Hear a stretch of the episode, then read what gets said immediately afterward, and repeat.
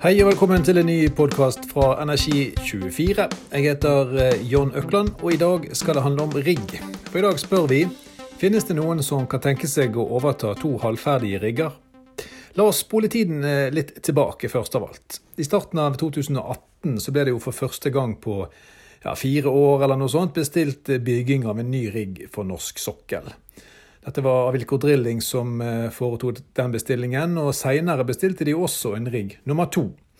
Disse to riggene skulle sette ny standard med tanke på ny teknologi og rekordlavt miljøavtrykk på norsk sokkel. Prislappen var oppgitt til 425 millioner dollar per stykk fra verftet, og planen var at den første riggen skulle blitt levert nå i disse dager. De riggene her de ble jo bestilt på spekulasjon, dvs. Si altså at de ble bygget uten å ha noen kontrakt å gå rett inn på.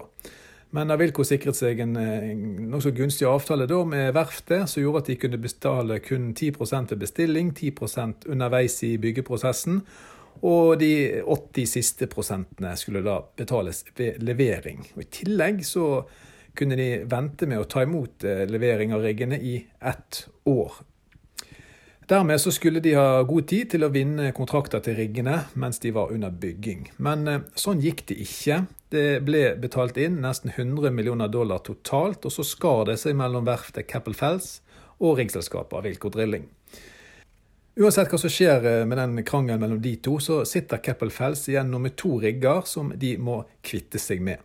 De har jo òg varslet at de vil slutte å bygge den type rigger, altså semirigger, og vil nok være interessert i en eh, litt kreativ eh, løsning for å få lukket igjen de prosjektene og dratt igjen porten for eh, bygging av semirigger. Spørsmålet er hvordan kan det skje, og hvem vil kjøpe de to riggene? Jeg har sett litt på tre alternativer. Det er ulik grad av sannsynlighet for all del, og mye er litt sånn spekulativt eh, i, i markedet. Mange rykter rundt dette. Den første muligheten er jo selvfølgelig at et annet riggselskap kjøper den ene eller begge riggene og fullfører de i håp om å sikre seg kontrakter frem mot de blir eh, ferdigstilt. da. Men banker er jo lite lystne på å låne ut penger til denne type spekulative byggeprosjekter, sånn som riggmarkedet er nå. Og Det var jo akkurat dette Avilko gamblet på, at de skulle få kontrakter underveis og dermed få kapitaler til å gjøre opp på seg når man er ferdig. Eh, hvis du ser det på riggselskapene i Norge i dag som, som, kan være aktuelle for å gå inn i noe sånt, så tror jeg de er mer interessert i å prioritere egne rigger og sikre kontrakter til de. F.eks. Eh, selskaper som TransOcean, Oddfjell og eh, Kosel. De har jo rigger som de ønsker å heller plusse på kontrakter på, kontra å ta imot de det to nye usikre byggeprosjekter. Et selskap som Seadrill blir jo ofte nevnt i denne type prosesser, at de er villige til å gå inn med litt risiko. Akkurat nå sitter de midt i gjeldsforhandlinger og er dermed helt uaktuelle, har hendene bundet ut av det. I tillegg så hører vi også at eh, Dolphin Drilling har begynt å røre litt på seg med tanke på å fornye sin flåte. Det er jo noe de bør gjøre med tanke på at de har bare gamle rigger. Og de har også varslet interesse da i forbindelse med Seadrills gjeldsforhandlinger, at de kan tenke seg å overta rigger fra Seadrill da. Så jeg tror nok Bjørnar Iversen og co. i Dolphin heller tar sjansen på noen Seadrill-rigger kontra å bygge eller ferdigstille to nybygg uten arbeid. Ifølge Energi24 sin egen database er det nå 14 flytere som går av kontrakt eh, fremover mot utgangen av neste år. Og hele oversikten finner du jo i databasen vår. Men disse riggene vi tror kommer til å bli prioritert når man tenker på å få nye eh, kontrakter og ikke et, noen nye bygg. Så kommer vi til andre eh, løsningen, som er jo drømmeløsningen for et riggselskap. Nemlig at et oljeselskap gir en kontrakt up front, altså på forhånd, til et riggselskap som da kan eh, omfatte den ene eller begge riggene. Alle husker jo eh, tilbake med, med, veldig gode minner selvfølgelig da Statoil i 2011 og 2012 var ute og ba om riggselskapene kunne bygge KT-rigger. Eh, de tildelte åtteårslange avtaler til Songa på fire sånne rigger. og Det gjorde jo at de riggene er jo så godt som nedbetalt de etter første kontrakt, og gull for et riggselskap.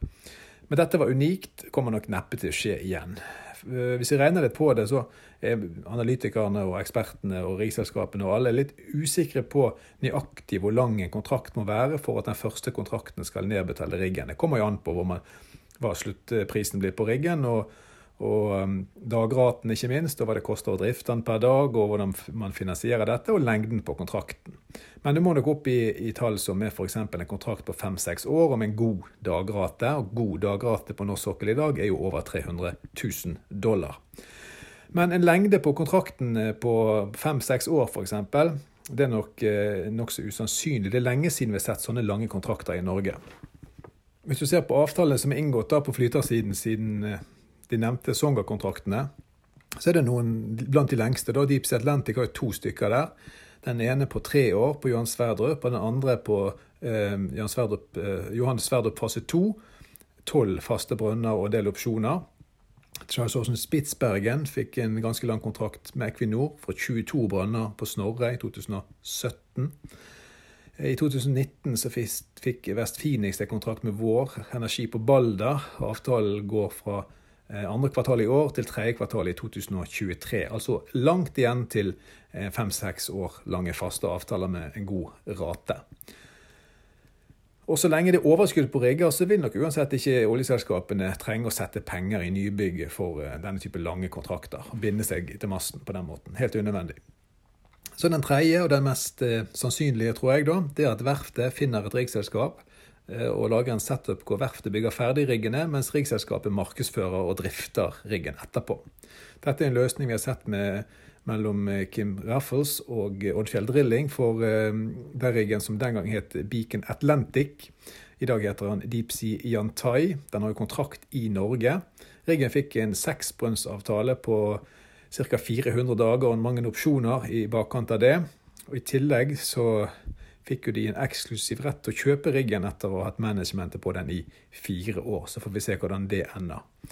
Det har vært en andre havarerte riggprosjekter som har kommet ut av dette med, beina godt eh, plantet på bakken og gode avtaler til slutt.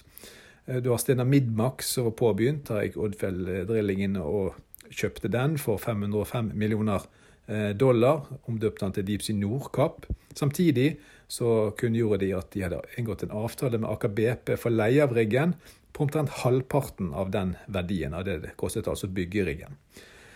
I 2018 så fikk vi høre at TransOcean hadde kjøpt seg inn i West Regal med en tredjedels eierskap i den, sammen med da et uh, britisk kapitalforvaltningsselskap, Hafen Capital Management, og kalt riggen for TransOcean Norge og den er jo akkurat da i Norge for Equinor i dag, og har jobb frem til mai i år.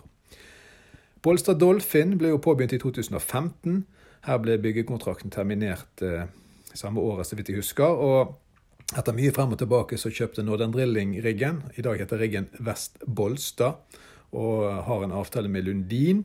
Eh, fikk en kontrakt i 2019 for ti brønner og en del opsjoner, så nå har han kontrakt frem til april 2022 og ligger i flåten til Northern Ocean. Vil du ha flere detaljer om riggen i Norge, så kan du jo prøve databasen vår. Den finner du på forsiden av Energi24.